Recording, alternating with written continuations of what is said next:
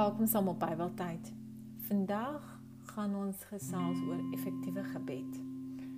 In die vorige episode het ons al reeds gesels hoe om 'n gebedsroetine te maak. Vandag lees ons uit Matteus 6 van vers 7 tot 15. Wanneer jy bid, moet jy nie soos die heidene 'n stortvloed van woorde gebruik nie. Hulle verbeel hulle hulle gebede sal verhoor word omdat hulle baie woorde gebruik. Moet dan nie soos hulle maak nie. Want hulle Vader weet wat wat jy nodig het nog voordat jy dit van hom vra. So moet jy bid.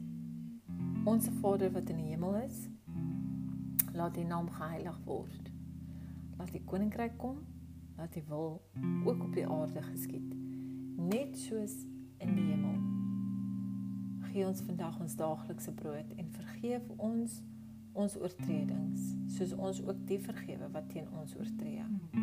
En laat ons nie in versoeking kom nie, maar verlos ons van die bose. As jy ander mense hulle oortredings vergewe, sal julle hemelse Vader julle ook vergewe. Maar as jy ander mense nie vergewe nie, sal julle Vader julle ook nie julle oortredings vergewe nie.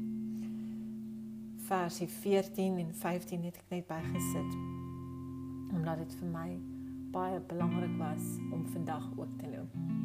So ons moet seker maak dat ons nie langdradige gebede bid nie.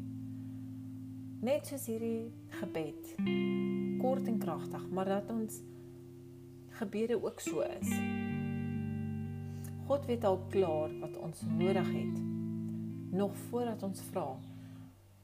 Maar verseker wil God ook hê dat ons met hom moet gesels oor ons doelwitte, ons benodighede ensovoorts.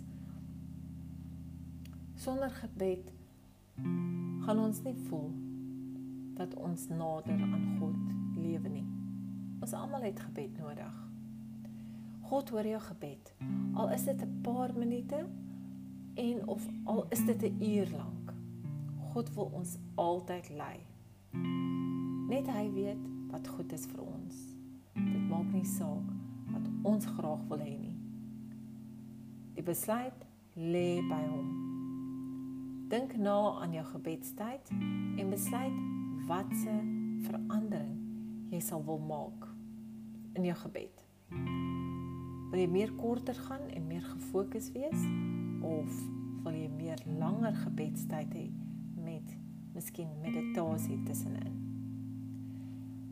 Ek hoop hierdie gaan jou help in jou gebedstyd en laat jy weet dis nie nodig vir langdradige gebede nie want die Here hoor elkeen van ons se gebed.